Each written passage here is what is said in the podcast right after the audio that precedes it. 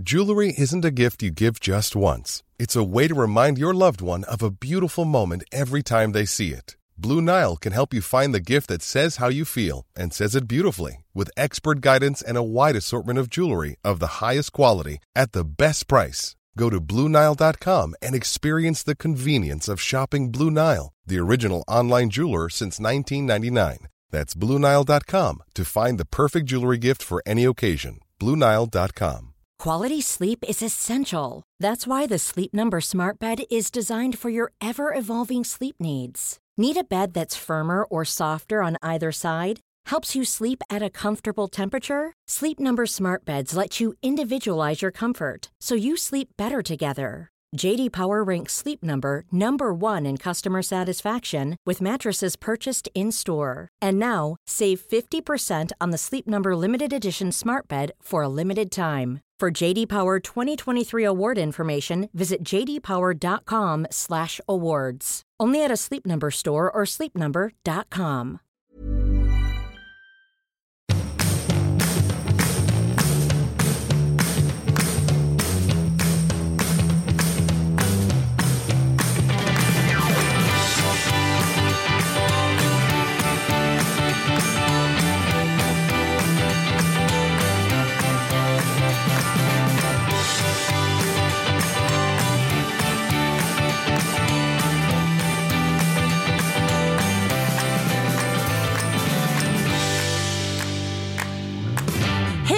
välkomna till ännu en lillelördag på en store onsdag. Vi sitter här i studion. Vi sitter inte på länk från Gotland eller Turkey eller någonting utan vi är nu i vår älskade huvudstad. Men alltså det här är ändå det sjuka med att ha goda vänner. Jaha. Vilken stark öppning. Ja, jag känner, jag känner, halleluja! Nej, men det är Praise som att det inte har gått två och en halv månad. Det är som att jag såg dig i förrgår. Jag vet, men åh, det där är så intressant. Är det också när man gillar någonting väldigt mycket.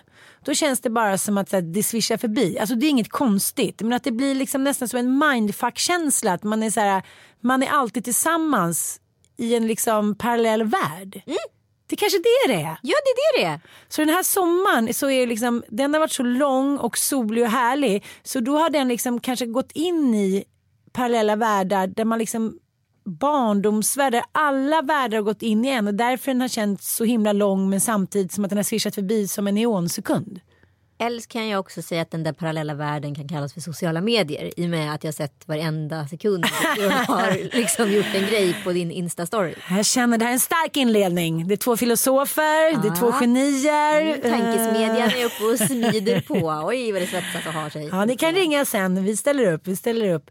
Nej, men det, det är någonting som, det här säger ju alla människor. Men kan vi träffas efter tio år som en, som en sekund har gått. Men har du någon gång känt med en väldigt god vän när man träffas efter tio år och så är det borta. Den är ju som att ta liksom en glasspinne från ett barn. Men alltså, jag hade faktiskt exakt den här känslan igår. För vi har, käkade glass. Vi med! Uh, och då, Vad tog du för smak? Nej men bara vanlig vaniljglass. Och sen så gjorde man den här klassikern som man gjorde när man var barn. Man blandade chokladsås och kolasås. Underbart. Ja! För Nej. det gjorde man, tyckte man om när man var barn. Och man tänkte så här, nu kommer det, nu kommer den här liksom vågen utav njutning och liksom det kommer över en, sköljer över en. Man bara, det var inte speciellt gott. Det var inte gott. Nej, och du vet den här besvikelsen. När saker och ting inte liksom är som det var. Jag vet. Det är som när man träffar någon så här gammal liksom, flört man hade för tusen år sedan och så tänker man så här, gud vad härlig han var då. Och sen ser man honom och så bara så här, oh no. Hate. Okej, då måste jag ändå ta upp när jag 13 år senare ligger med min gamla kille. Nej! Jag orkar inte. Jag orkar inte. Och du erkänner då att du innan, för 13 år sedan, då tyckte du att han var bra i sängen. Det där är min stora mardröm på jorden tror jag. Okej, för att komma in i rätt stämning, Manko, kan du spela lite stråkar?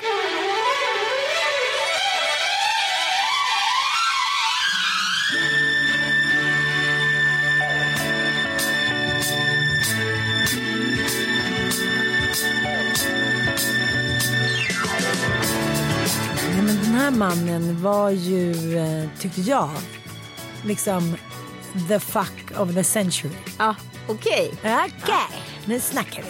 Nej, men han var lagom, han var hård men ändå mjuk. Det kunde ske under en löprunda, det kunde vara en lång romantisk förspel bara. Vi träffas, Gud, stressad. Ja. var det 12 eller 13 år senare. Du vet, en sån där lång, lång natt på Gotland när man bara så här, tittar på varandra så här. It was meant to be. Fast man så här, vet att det inte var det, men man skiter i det. raukarna, raukarna glittrar och solen lyser och ja. Men den känslan när allting blir helt annorlunda än vad man har trott. Han tog av sig sin kavaj Sparka' av sig båda skorna Och så spotta' han ut huset. Sa min sköna får jag lov Hon var vacker, han var stolt Rak i ryggen som en fura Det var sommar, det var glädje Och de dansade och sjöng la, la, la, la, la, la. För han tog ju av sig sin kavaj. Sparka av sig båda skorna. Nej, men grejen är att setupen och kulisserna var så otroligt bra. Åh fan. Hans eh, liksom, affärspartner hade gått hem till någon eh, annan. Och eh, de hade hyrt typ den fetaste lägenheten i Visby. Med stor balkong, sekelskifte, jada, jada, jada. Så kommer vi in och så börjar vi hålla på och så bara tänker jag så här, nej men gud vilken ointressant kropp. Helt perfekt, helt slät. Eh, nej men så här, var, var ska jag börja? Var ska jag hitta en skavank som Var jag kan så det här, Ken-docka eller var Ja. det liksom, var han tränad eller var han bara Ja, ja. liksom slank? Nej, nej, nej. Supertränad. Jaha. Fast på det slanka sättet. Ja, okej. Mm. Nu då säger han den här kommentaren. Kolla på oss. Vi är så mycket snyggare idag än för 13 år sedan. Och hade jag då haft en pickenuckel då hade den bara "Mm." men vad är kvinnans motsvarighet till att ståndet sinar? Är det typ Att man får ostyva bröstvårtor. Jag hänga ner något och krokar. är det så här att man inte har klitorisfjong? Vad är jag motsvarigheten? vet inte. Och vi skulle ligga där och fjonka och han frågade också, för han var ju otrogen mot sin fru, visade det sig sen. Oj. Så han frågade också, och det här tycker jag är så jävla osexigt, att jag inte bara gick då. Då säger han så här, du har väl ingen könssjukdom? Nej men sluta. Ah. Ja, men han, Varför var du kvar? Och Nej, men varför han- är man kvar i de där situationerna där man bara ska dra? idag hade jag inte varit kvar. Nej. Men det som jag tycker är så intressant, han vill då täcka upp för att han inte vill ge någon skit till sin fru. Redan där är det så äckligt som man bara säger hej då, ha det så bra. Tja, eh, det här är jag. Eh, Jag ligger här med din man. Eh, Så att, så vill du snacka med honom? Åh, förstår du? Om vi någon gång skriver en tv-serie, då ska den scenen vara med. Vi vill veta hur det var 13 år senare. Var det liksom the fuck of the century? Jag kommer ihåg vad han hade för färg på kostymen, men det kan jag inte säga. Då kommer, då kommer alla veta vem det är. Uh, helst. Fredman. Jag hade en svart akneklänning. Kommer jag ihåg. Eh, Har du någonsin burit svart förutom på Ellegalan? ja, den här dragkedjan är fortfarande kvar. Den är faktiskt en, en liten favorit. En litet hål på den också. Men han, vi klädde av varandra. Det var i och för sig lite romantiskt. Sen började vi kyssas. Åh, jag blir stressad. Och jag kommer ju ihåg hans kyssar som liksom, eh, ja men du vet, Bartham, vad heter han? Bartham. Bartham. Xavier Bartham. Heter han inte det? Skådespelaren som är gift med Penapale. Penapale Cruz. Alltså, gud, du säger, gud, du säger ett jävla namn. Penelope Cruz Penelope, Penelope Cruz. och Javier Bardem. Ja, Javier Bardem. Jag måste söka för det här. Alltså, det är ju något, det är, Det kanske, är att jag är så här, det kanske är något jättebra med mitt huvud. du pratar ju baklänges. Javier Bardem. Vad det? var det du sa från början? Vet du vad jag tycker är härligt med kyssar också? Som är så jävla viktigt. Då tänker man sällan på att de är rätt tempererade. Ja, Kalle-kyssarna. var- Det är som Kalle-nopparna. Masken Södlund. Nej men de ska vara rätt tempererade. De ska inte vara för kalla, de ska inte vara för varma. De ska vara helt så här. När de möter dina läppar då ska det vara Ja. liksom som så här kemi. Ja, verkligen. Temperaturkemi. Åh, Gud, och det har man faktiskt inte... Det är ändå så fem gånger som man har känt så här, men nu svepte han mig bort från mina fötter. Ja. Bland annat med Mattias faktiskt. Mm. Och det kan vi fortfarande göra om vi bara står på, i vardagen så behöver kyssa varandra. Då är det så som att vi båda nästan svimmar. Jo men det, så har ju jag Ja. med mitten också. Alltså det är ju så här Inte varje dag. beyond. Nej men när han kysser mig då är liksom allt helat. Ja, jag vet. Ja. Både farligt och bra. Både farligt och bra. Men då kysser han så här försiktigt med liten medelvarm tunga. Nej men In- åh, och var det lite plutt-tunga? ja, ingen havsbris, ingen liksom värme, inga vindar som blåste in i munnen utan liksom lite som så här lite som att man skulle välja den blomstertid nu kommer när man gick ut ur kyrkan när man gifte sig. Ja det var liksom. Ja, men det var fint och det var så lite gulligt och det var svenskt men det var så här inget mer. Nej. Man fick vad man betalade för. Ja, och ligget var lite så här kliniskt och... Men Eh, vadå kliniskt? Du får fan men grejen är, han har ju... Ja, men det är mycket som är bra också med hans kropp. Okej. Ja, Ja. okej. Eh, ja, det är det.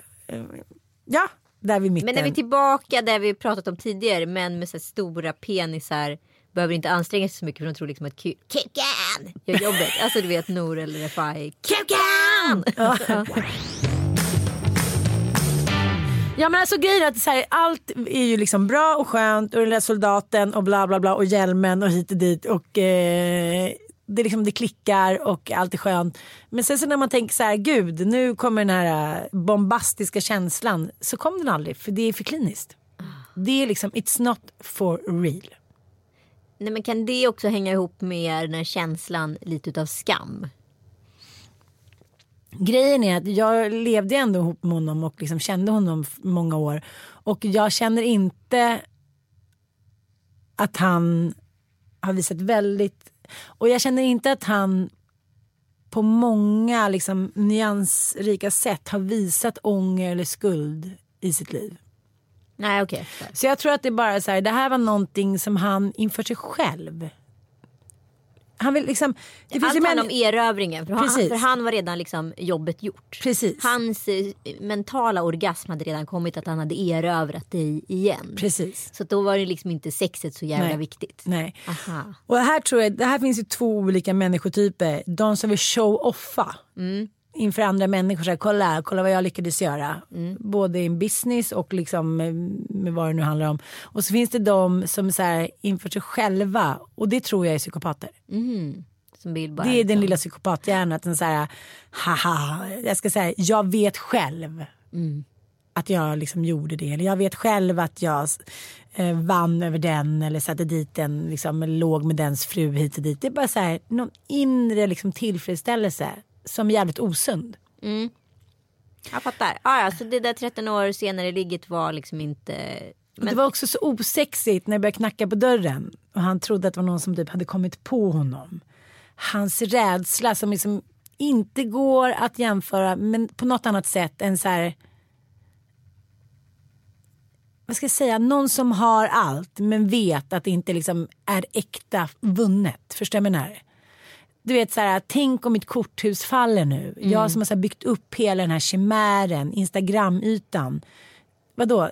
Vadå? Är det någon som har liksom varit listigare än jag? Det är det vidrigaste som kan hända psykopaten. För de tror ju alltid att de så outsmartar alla. Att de alltid är ett steg före. Nej, men det är väl det typ så här, alltså Una Bomban och alla säger Ja. som kommer in. Bara så här, gör en högre IQ än dig. Det säger de ju alltid till förhörsledarna. För Ja. att det är så här, deras mentala övertag och liksom vetskapen att de är smarta. Det är deras liksom turn on. Åh, nu fick jag en turn om. Jag, han var min Una-bombare. Jag var han utredaren. Det var ju typ 13 år han höll på. Ja, Okej, vi ser ett jävligt oklart mönster här. Men... Nej men jag vet, men jag tycker att det var så, så superdåligt gjort av mig. Jag ångrade det. Men samtidigt när jag gick hem där i gränderna på natten så kände jag så här. äh, Kände du inte lite så här seger ändå? Jag kände så här, nu har jag en gång för alla så här kastat ner honom i rännstenen och han kommer aldrig komma upp vad det gäller mig. För han vann inte den här kampen. Han trodde att han skulle liksom erövra mig ännu en gång och jag skulle åtrå honom. Men åtrån försvann. För han försökte ju året därpå igen. Och då bara tittade jag på honom så här, du vet. Men nej, nej, nej. Och det är det som jag tycker är så intressant med de här människorna som, eh, ja, men det tycker jag metoo är liksom en hel, så här, eh, det är det största vittnesmålet kring att man ibland bara behöver säga någonting en gång. Och sen är allting för alltid förändrat. Precis. Mm. Man bara säger till den här gubben, så jag tycker inte det är okej när du säger så. Eller till sin chef så bara, jaha. Så står de där med byxorna ner. Och det kan även gälla liksom i ens egna relation. Så här, men varför har du inte sagt någonting? Jag vet inte. Mm. Har du någon, någon, någon sån i din nuvarande relation? Med han, den där Joel. Men han, den där Joel. Någonting som du är så här, ja du vet, där du känt så här, men om det nu ska vara hela vägen, äkta kärlek och vi hit och dit, då måste jag påpeka den här defekten som han har utan att han tappar byxorna, springer härifrån och känner sig förnedrad. Men det här är ju liksom problemet med, liksom, jag, jag, jag hör och gillar verkligen hela metoo-grejen och jag tycker att den är viktig. Men om man ska nå någon psykologiskt, eh, vilket är den generella liksom, kognitiva terapins liksom, grundstenar, då, är då kan man ju aldrig börja med en anklagelse.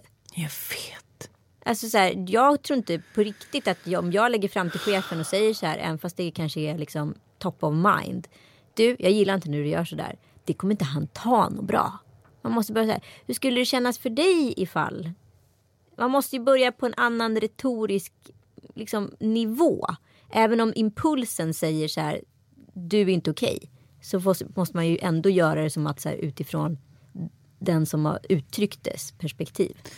Och, och liksom skulle jag i, i situation med Joel så här, dra iväg en så här anklagelseharang eller liksom säga så här du, eh, jag gillar inte när du gör så där eller det där funkar inte. Det skulle ju liksom inte vara speciellt gynnsamt för relationen. Och det he- handlar hela tiden om att vara lite slug på hur man presenterar saker och ting. Den sluga kvinnans bekännelse. Ja, Men du har dragit iväg några sms-haranger. men tro mig, det har jag gjort. Jag blev så här, fick, jag fick faktiskt ett utbrott här om veckan bara. Eh, för då hade jag och barnen varit borta och varit ute och rest hela tiden. Och han har varit så här hemma, haft sin så här första jobbvecka. Och jag vet att han har sp- spelat eh, tv-spel och pillat sig i naveln och kollat på fotbollsmatcher. Och liksom, Nice. Nice. Och du vet vad, jag har inga problem med att han grabbar loss. Och Nej. gör det. Alltså det tycker jag bara så här, gör det när vi är borta. Perfekt, så här, få ut skiten liksom. Om du har i dig ska det ut liksom. Eh, men att då komma hem och mötas av ett så gapande tomt kylskåp. Där kanske min eh, retoriska förmåga som jag precis pratade om eh, kognitivt inte riktigt eh, liksom gick Där hela lirade vägen. inte ni. Där lirade inte vi. Eh, och då sa jag det på ett ganska oskönt sätt i ett sms. Ska jag läsa upp det sms? Tjena. Kan vi få lite, kanske bara lite så här banal Lars Roos-piano? Lars Ros.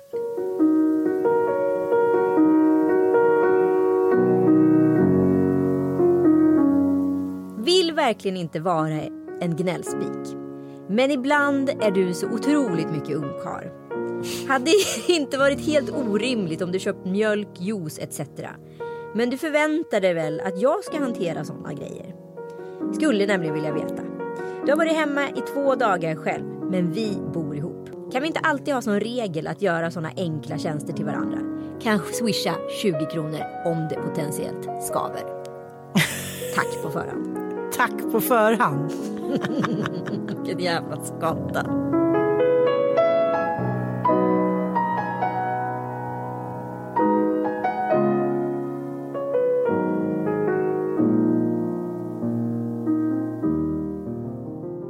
Nej, jag tycker jag är ändå imponerad för jag vet den där känslan när man kommer hem och är så helt slut, man har tagit hand om massa barn. Eh, liksom, det har väl varit härligt, man känner så här, gud vad skönt, nu bara åker vi hem, softar lite, landar så bara du vet det där gapande tomma kylskåpet, det är nästan ett större hån än att man så öppnar dörren och någon ligger med någon annan i rummet. Det är så här, Den är ju jävligt. ja, kan man jämföra de två känslorna så här? Jag var inte ens värd en jävla Nej, ostkant. Jag tycker jag kanske är lite mycket drama Okej, queenigt. Men, men däremot blir det ju så här. Men det här är också en sån problematisk obalans tycker jag i alla relationer när det kommer till det här med när en är på resande fot och vad man förväntar sig utav den andra när man kommer hem. Och tydligen så är det här enligt så här manligt kvinnligt det, det största problemet. Jag vet. Att men... så här, kvinnor inte kommunicerar tydligt nog och män inte är perceptiva tydligt nog. Eh, för att tjejer då förväntar sig, i mitt fall då, att eh, kylskåpet skulle vara påfyllt. Under tiden Joel kanske förväntar sig att jag skulle gett den instruktionen. För att han själv skulle ju aldrig liksom tänka ut det. Det är väldigt mycket manligt kvinnligt här. Manlig kvinnlig natur. Och det är ju det här som man kan skylla på. Nej, men de är bara pojkar. Men nej, det funkar inte. Jag tror att det där är den liksom största setupen i liksom den mänskliga historien sen Homo sapiens liksom till tillblev för 300 000 år sedan. Det här att män inte förstår liksom att kvinnor har behov. Sen så kan vi liksom såklart alltid hamna på olika nivåer. Det finns ju liksom många nivåer även i vår vänskapskrets. Men det här att man kommer hem med barnen och någon annan har legat hemma eh, och bara slappat lite. Att man då inte kan masa sig upp på sin röv och gå de 200 meterna till affären och köpa lite bröd, mjölk och så här. Att man inte förstår det, den tror jag inte på för då är man ett barn fortfarande. Och sen tror jag också att det handlar om en oerfarenhet. Sen tror jag också att det finns en viss risk att man inte har tänkt tillräckligt många gånger själv. För det har aldrig kommit hem någon. Jag fattar. Det, och gud, kan vara en förklaring på mitt och Mattes problem också. För han har också liksom levt många år som ungkarl. Och Ja. så här, ja men, du vet när jag flyttade dit, jag bara oj, kylskå- kylskåpet från Minsk. Men så tänker jag så här, om inte jag hade haft barnen, liksom när jag träffade ja. honom, utan levt liksom unkisliv, fast kvinnligt unkisliv, då hade jag också haft en chipspåse, en liten smörj. Jag kommer aldrig bli personen som står hemma själv och lagar liksom gastronomiska middagar som vissa gör faktiskt. Ja, ja absolut. Eh, men samtidigt så är det lite så här, när åren går, man så här, har varit tillsammans i fem och ett halvt år och har en son och eh, två söner som är ändå så här, fyra och ett halvt och snart två. Och du menar att, att man fortfarande inte förstår det? Men jag vet inte vad det är, men liksom just det här, jag tycker män ganska, nu blir det extremt generaliserande, så är det inte alltid, kvinnor är också pissdåliga. Men eh, jag tycker män är väldigt dåliga på att vara förekommande många gånger. Eh, att så här, hej vill du ha något? Ska vi fixa något? Mår du bra? Hur känns det? Hur mår du? Alltså bara de här frågorna som så här, tjejer på något konstigt sätt alltid ställer. Att se till att så här, gruppen är, alla är okej i gruppen. Den är de mycket mer så ute på liksom någon jävla savann och jagar någon djur. Liksom. Och som kommer hem och förväntar sig om pyssleriet. Ja, Men och det, i det här fallet blir det ju alltid problematiskt för här har jag varit på resande fot med två barn och känner så här Åh, nu vill jag bli ompysslad. Nu har jag gjort liksom en, en, en resa, liksom en odyssé med de här två barnen och är ganska slutkörd som mamma.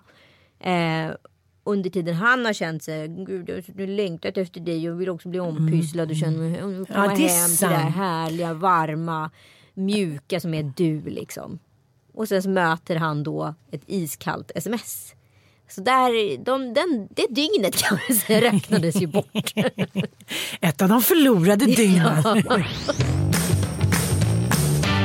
Nej, men så här, vad är kärlek? Liksom? Vad, så här, för jag känner ju en tjej som inte vågade visa sig sårbar. Hon vågade inte visa skiten. Nej, men det är väl det största problemet i alla relationer att folk inte vågar. Mm, men hennes man tröttnade på det och lämnade henne och sa så här.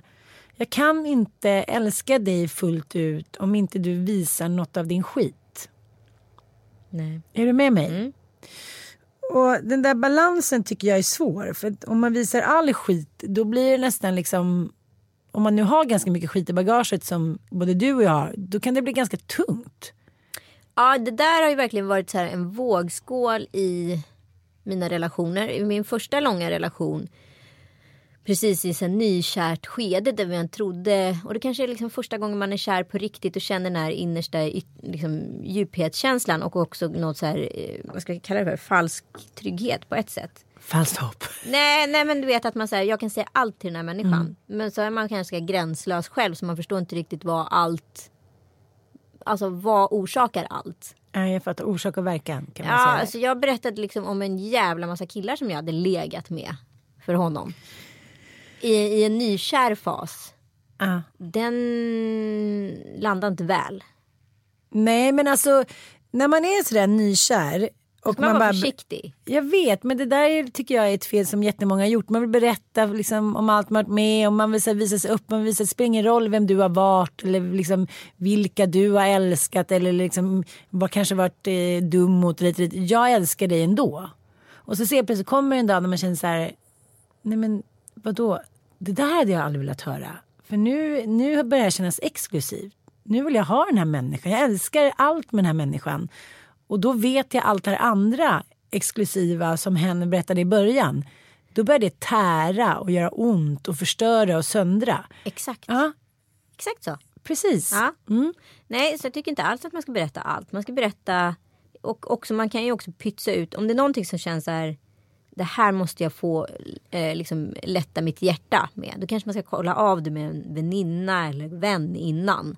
Och bara så här, kan man berätta det här eller kan man inte? Och så ja, tycker jag liksom alltid det är bra att ha en objektiv person som också är stark som man vågar lita på som säger så här, ja eller nej. Jag vet, men, men jag tycker ändå att det, det är svårt att veta så här. Men vissa saker funkar ju bättre att säga år två, vissa saker funkar bättre att säga år tre och år tio Ja. så är ju nästan ingenting farligt. Nej, jag fattar vad jag menar. Men jag har sett en relation på nära håll där kvinnan har liksom använt mannen som sin så här, vad ska man säga, helare, healer. Att han ska finnas där hela tiden när hon ringer och mår dåligt eller har fallit. Hon har väldigt så här, självständigt liksom, yrke och reser mycket och sådär. Är borta och så här, väldigt omtyckt. Och eh, så fort liksom, någonting är ont i henne eller hon känner behov av honom, då hör hon av sig. Alltså att han är hela tiden hennes lilla mikrovårdare. Precis, superbra uttryck. Och nu eh, den här sommaren har han sagt nej och nu har hon lämnat honom. Oj, Ja, så när han inte ville vara hennes eviga mikrovårdare som man kan ringa till 24-7 och gnälla och så här, tyck synd om mig eller kom och rädda mig eller ta hand om mig eller badda min panna. Då var det inte intressant längre. fan vad spännande för jag tänkte verkligen på det där för det, ett par som jag känner till och liksom eh, en annan situation som inte var egentligen eh, en konkret sjukdom men det var ett, ett, ett tillstånd, en depression liksom. Eh, det ena paret hade en av parterna cancer eh, och blev friskförklarad och den relationen tog slut. Och det andra paret så var, var den ena deprimerad. Eh, och eh, när depressionen liksom, man tänker sig yes, victory, nu, de, we made it. Då tog den relationen slut. Den deprimerade lämnade då. Det- Men, och då undrar jag liksom, och i fallet med cancern så var det liksom att h- han som hade varit frisk och vårdat henne lämnade för att det liksom, kärleken var död. Han hade kanske sett för mycket. Tillbaka till det, hur mycket ska man visa? Ja. Om man är liksom med varandra i så många tillstånd och, och liksom, det blir en extremt nära situation. Men just, just när man hade sett allt så kanske det inte fanns någonting kvar att tända på. Nej, jag fattar. Gud vad svårt. Ja, det är inte, jävla svårt, Det är alltså. inte hens fel. Det är inte hens fel. Det är lite som att många snubbar inte vill gå ner längre när de har sett sin kvinna föda. Det är jättevanligt ju. Jo men den känner jag så här, get over it till Eh, 2018. Så här. Det, är inte liksom, det är inte så att bebisen eller liksom det koagulerade blodet ligger kvar där. Den tycker jag är så Kolla här, inte då. Nej men kolla inte och så här, förträng det då. Ja. Det är ungefär hur mycket har man man sett sin snubbe som har fisit och petat i näsan och suttit och bajsat. Så här, ja, ah, ja, men du fattar vad jag menar. Mm. Det där känner jag ingen sympati för överhuvudtaget. Men jag, jag, varför jag ställer frågan är för att jag läste en artikel igår av Hanna Hellquist. Mm. Hon skriver mycket om sin längtan efter barn och liksom sin ofrivilliga ensamhet och sådär. Eh, och då skriver hon om att hon har blivit intervjuad i kupé om sin ofrivilliga ensamhet. Och sen så är de på hennes landställe så är hennes killkompis där så säger hon så här kan inte du hjälpa mig att här och säga vad du tycker om intervjun. Och då bara skriker han rätt ut så här men what the fuck ungefär så här det här stämmer ju inte du är ju inte så här ensam. Du har ju massa kompisar och socialiserar och bla bla bla.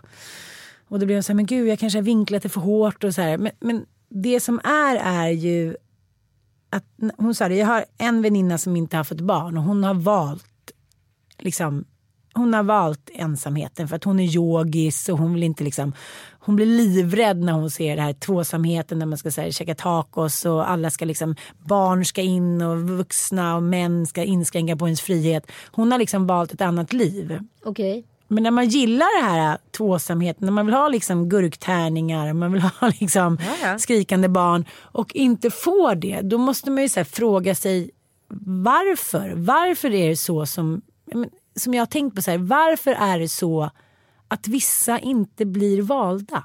Kan du förstå vad jag menar? För i mina relationer känner jag så att jag har blivit väldigt mycket vald och kanske inte valt så mycket själv. Men jag gjorde ju en sån här fatwa mot en gammal killkompis till mig. Alltså det är så hemskt. Fatt, Jag men inte fatta, det har ju ingenting med vad jag sa att göra. Det handlar ju med fatwa. att jag hade läst honom för länge sedan. Men då sa jag så här, vet du vad? Om inte du liksom skärper till det, då kommer du vara lika patetisk som din så här, kollega som du alltid tycker är så superpatetisk.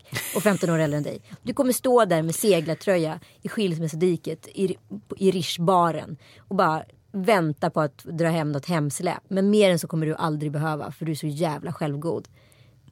Och du vet, det tog så illa. Det tog så jävla illa. Det tog kanske ett, två år att reparera den där skadan. Liksom. Jag var ju fruktansvärt elak när jag var 20 någonting. Jag var så här, jag är rak, så här tycker jag att saker och ting ska vara. Så här tycker jag. Men du vet, så här, liksom inte så här pejlade av att det fanns andra känsloregister där. Det är som nu. Inte som nu. Eh, men och nu är ju han i den åldern som jag då sa. Skulle vara. patetisk. Och står i skilsmässodiket på Rish i seglartröja och väntar liksom. Du har predestinerat hans liv älskling. Alltså sluta, det är Förlåt, inte mitt fel. förlåt. Det är inte mitt fel. Men det var hårt. Men det, Det var, var jävligt hårt. Men vad då? Ibland kan jag känna så här. Tänk om fler människor hade fått en liten fatwa i rätt tid i sitt liv. Vad de hade kunnat så här, rearrange it och ändra lite. Jag har några så extremt underbara, ljuvliga väninnor som är långtidssinglar.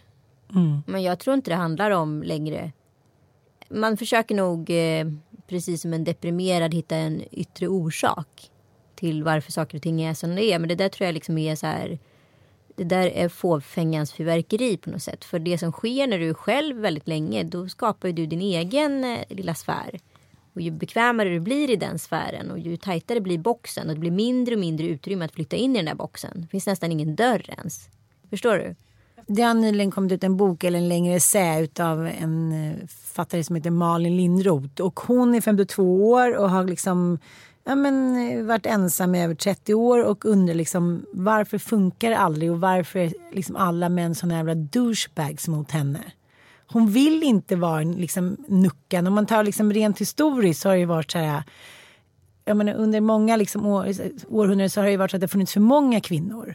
Så de har varit tvungna, vad gör vi dem? De är ju skitdyra liksom, att ha hemma och vad ska man göra med dem om inte de blir bortgifta? De har så här, tidigare myndigförklarat dem så de har kunnat jobba ju. Så har det ju varit historiskt liksom. Och så så här, änka är ju inte samma som nucka. Nej. Nej. Så det är så här, då tänker jag så här, vad är, min moster har ju varit ogift i alla år. Eh, blir hon då automatiskt en nucka eftersom hon har aldrig presenterat en man? Jag vet inte, jag har aldrig pratat med henne om hon har velat ha en man eller inte. Hon har alltid rest ensam och liksom... Det, är det har ju funnits en kvinna där. Nej, det har inte funnits någonting. En gång en man, men då, då blev morfar så stressad så att han då gick han dit var på någon eh, semesterresa till Italien. Men, men, men det jag menar är att Karina Rydberg är ju också en klassisk, Den högsta kasten. Den boken går ju ut på att hon, så här, hon älskar män så mycket men den blir aldrig besvarad. Är det då den här känslan som man kan få själv i vissa relationer att den andra åtrår en så mycket mer. Och då är det lite som att det är så här en kackerlacka som hela tiden går på ens kropp ungefär. Fast man vet att man älskar den andra men man vet att den andra åtrår det som man själv tar för givet så jävla mycket att man blir äcklad. Jag vet inte, jag tror, liksom, jag tror man blir väldigt själv i alla känslor när man är, det här är konkret spekulation eftersom jag aldrig varit själv på det sättet. Men jag vet i alla fall under den period när jag faktiskt var singel i typ tre år med kortare relationer och flingar. Då blir man ju väldigt liksom, vad ska säga, man får ett obalanserat känsloliv. Man är väldigt på eller väldigt av. Och man har ju liksom snickrat en verklighet ut eftersom från så här vill jag ha det när jag har en relation. Ja, Och då ska ja. den personen liksom jacka in i din värld. Och passar då den personen inte in i din värld då är det väldigt lätt att så här, göra sig av med den. Samtidigt kanske du hittar en person som så här, du anser själv då passar in i din värld. Men den personen kanske inte alls eh, lirar med dig. Då förstår du inte alls gränssättningen där. Men jag har ju valt honom. Varför vill han inte ha mig? Jag, jag vet ju att vi är perfekta ihop. Det har ju allt, det står ju skrivet i stjärnorna. Alltså, Mm, Förstår jag du? Så att du har liksom ett obalans i ditt känsloliv på något sätt. Så du kan inte... Du har ingen att spegla dig i. När man inte har någon att spegla sig i så blir man ju per definition ensam.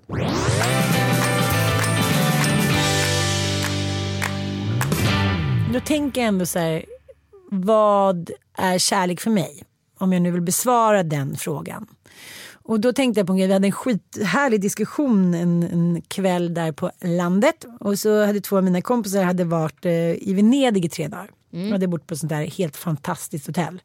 Och så satt de och visade på telefonen, kolla vad vackert det var och kolla utsikten ut över Venedig och hit och dit. Och så kollar man på en mobil och så här, ah, det är jättefint men man får inte alls den vibben.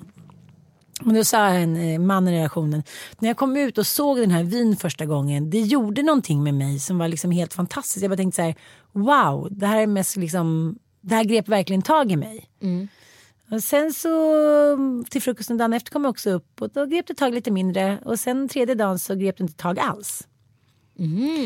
Och då kände jag så här, tyvärr är det ju så som livet är hela tiden. Det är därför vi jagar liksom eh, syntetiska liksom, jag menar, ögonblick. Att så här, man vill ha det där ögonblicket igen när allting är bombastiskt och stort.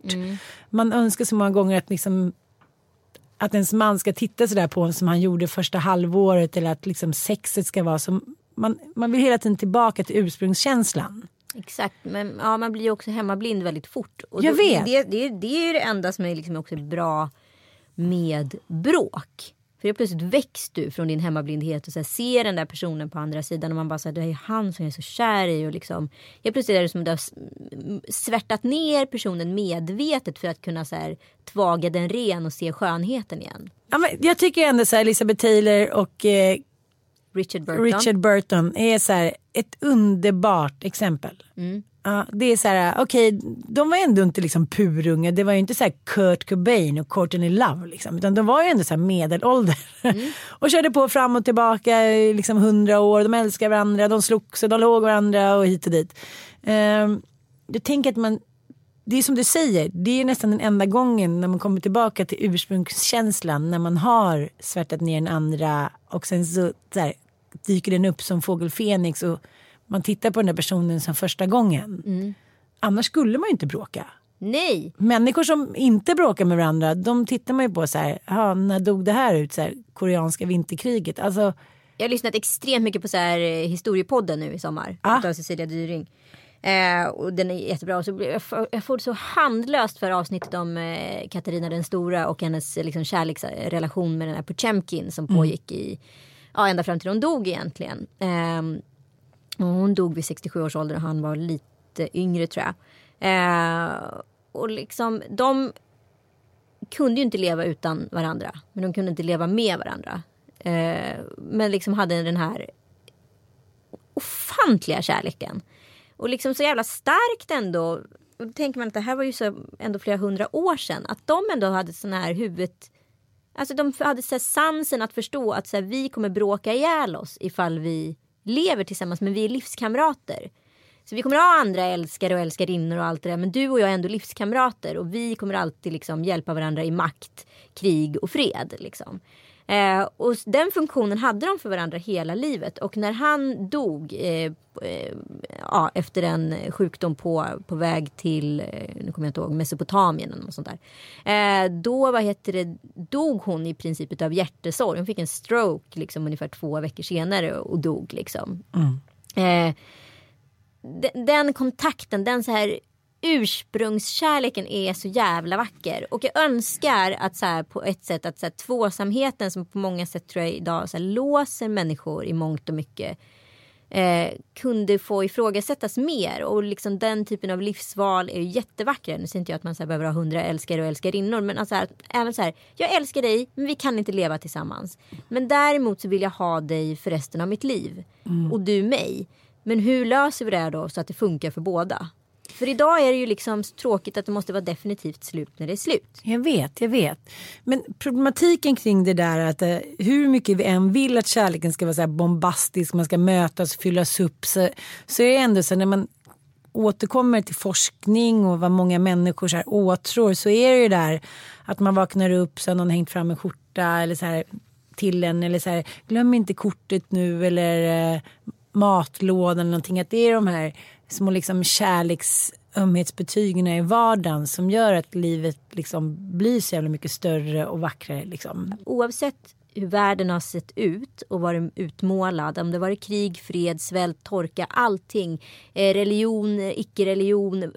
Allt så har det alltid funnits kärlek. Det är ju liksom grundkänslan hos oss människor. Och det är så jävla vackert. Man kan bli, jag kan bli helt så här maktlös inför den känslan. Men fan vad vi gör det svårt för oss just idag. att älska varandra. Ja, jag För håller fan. med. Alltså vi är så kvinnor och vi pratar om frigörelse men jag tycker också att den här frigörelsen utan att låta som en så här eh, liksom puritansk kärring kan vara jävligt kostsam. För den kostar oss våra, alltså så här, vi, alltså jag känner så här jag har en karriär, jag har liksom förslitningsgrader i kroppen just nu för att jag så här, har tränat så mycket den här sommaren. Jag har två barn, kanske vi ska ha ett till. Alltså, du vet det är så mycket krav hela tiden som gör att kärleken blir så jävla svår. Tänk om vi bara kunde fatta att vi kunde älska. Jag var nere på södra Gotland, eh, nästan nere vid Hoburgen. Där har ju Göran Ringbom, snabbköpskassörsken. Han har ju då byggt någon form av litet mikro-ADHD-tempel. Det. Menar du Hamre krog? Kanske det.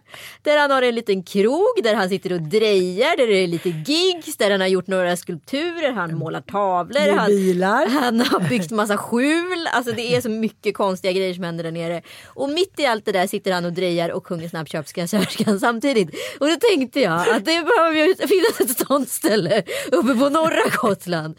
Och vem skulle kunna klä den här Göran Ringbom-rollen bättre än den bästa exilgotlänning som går att få. Du menar är ju ändå systerstället? Ann Söderlund som kommer ha ett franchise- litet franchise. tivoli. Ni kommer få hjälpa till och bygga på en liten attefallare. Ni kommer också få vara med på ett bröllop om ni har tur. Och det kommer födas massa barn som också ska ammas. Och det kommer byggas någon barnhage. Och det kanske drejas lite. Det kanske kommer också dansas lite afrikansk dans när andan faller på och så vidare. Jag fattar. Problemet är att nu med mitt nya spår som är då att jag så här, just Det nu är har, nytt, allt är nytt. har jag ju inte en pryl hemma nu i stort sett. Är just det. Nej, och jag ska måla hela lägenheten grå. Ja, vilken tur att du har ADHD. Ja, jag har tagit ner alla tavlor igår. Ja. Ja, det ska bara vara så här ett tempel av stillhet och asketisk inredning. Ja, men ta inte med dig. Gotland in i lägenheten nu för den, Gotland är Gotland. Ja men Gotland är Gotland men där kan det vara som det är. Så jag ska nog ha ett, eh, en eh, workshop med Köris. Bra. Du vet att Köris och jag gjorde ett tv-program som heter Det stora matslaget där jag bjöd in honom som min co-driver. Och Köris är då din pappa. Nej Köris är ju Göran Ringbom. Han- Först ska jag bara eh, berätta då vad jag tycker att kärlek är. Eller hur jag ser, hur jag skulle vilja, vad, min bild av kärlek är. Ja, lite ADHD-sippring där. Det finns en dal som gränsar till Rute och till Valleviken. Det ligger en väg som heter Fordumeträsk som är den vackraste vägen jag vet. Det ligger en gammal skola inledningsvis och så åker man längs med så är det bara vatten och gamla små hus och ett litet gammalt slott. Och vegetationen är liksom helt galen. Det är bara som en liten paradisisk väg. När man liksom åker ifrån Valleviken upp för backen och in på Fordume så ser man ju också eh, stenbrottet med liksom det turkosa vattnet som en liten så här kuliss som inleder den här liksom Fordumeträskvägen. När man åker bort och hamnar vid skolan några kilometer senare då svänger man ner i dalen. Och så tänker jag så här, ja men ibland så ska man ju snabbt ner till bageriet eller in till Visby eller liksom någon annanstans och man noterar den här dalen, den är vacker och solen ligger på och det är massa får och det är så här, ja men ja, det är en vacker dal, det är en vacker kuliss som så jävla många ställen på Gotland som man liksom till slut nästan inte ser hur vackert det är. Men sen så, så här, vissa dagar när man åker där och så håller liksom solen på att dala och så går de där fåren och så blir liksom den där hisnande känslan att man åker ner den där dalen. Då känner jag liksom gång på gång det som jag kände första gången när jag åkte när jag kände så här, men gud, här vill jag bo, här måste jag ha ett hus, här måste jag dö, här måste jag leva. som jag i och för sig känner ganska många gånger. Men just den där känslan som är så här, bara gudomlig, det går liksom inte att säga någonting annat. Och så kan man ju också vara med sin man. Och det är ju så man tänker så här efter den där svärtan och skiten när man är liksom på varandra. Så ibland så tittar man på varandra typ i ögonen eller så här över bordet så tänker man men gud jag älskar den där mannen. Jag, säger, jag älskar honom mer än något annat. Jag kan inte leva utan honom. Och då tänker jag liksom i somras då när jag, när jag pratade med Urban och Frida om när han sa att han kommit in och sett den där kulissen i Venedig. Kände så här, men gud det är det som är så jävla jobbigt att man inte känner så där tillräckligt många gånger. Man ser någonting och sen blir det en vana.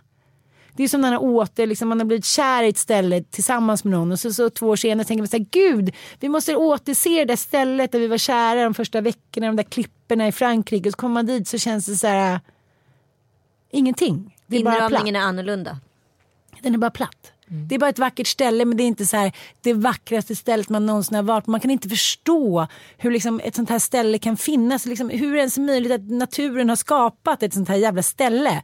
Så kommer man tillbaka två år senare så tänker man så här, det här var ett fint ställe. Precis som man kan åka förbi Globen och bara, nej men den är ändå cool fortfarande. Det är en stor golfboll. Men just när jag åkte ner i den där dalen, du vet, jag blev helt så tårögd och, och liksom fylld av en så här gudomlig känsla. Så här, men gud, det spelar ingen roll hur många gånger jag åker ner i den här dalen. Det är ändå så här, det vackraste jag någonsin har sett.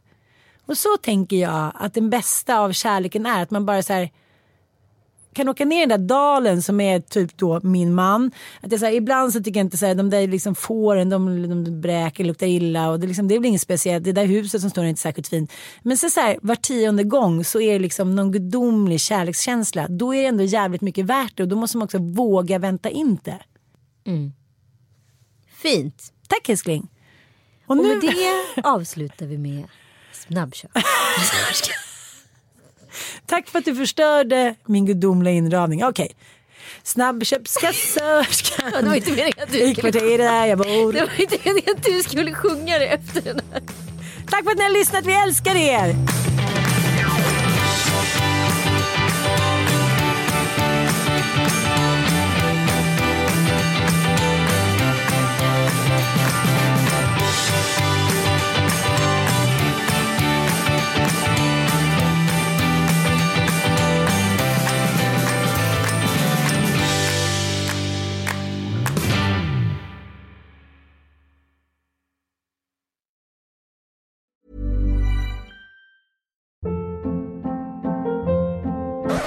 Hold up. What was that? Boring. No flavor. That was as bad as those leftovers you ate all week. Kiki Palmer here, and it's time to say hello to something fresh and guilt-free. Hello Fresh. Jazz up dinner with pecan-crusted chicken or garlic butter shrimp scampi. Now that's music to my mouth. Hello Fresh. Let's get this dinner party started. Discover all the delicious possibilities at hellofresh.com. Planning for your next trip? Elevate your travel style with Quince. Quince has all the jet setting essentials you'll want for your next getaway, like European linen, premium luggage options, buttery soft Italian leather bags, and so much more. And is all priced at 50 to 80% less than similar brands. Plus, Quince only works with factories that use safe and ethical manufacturing practices.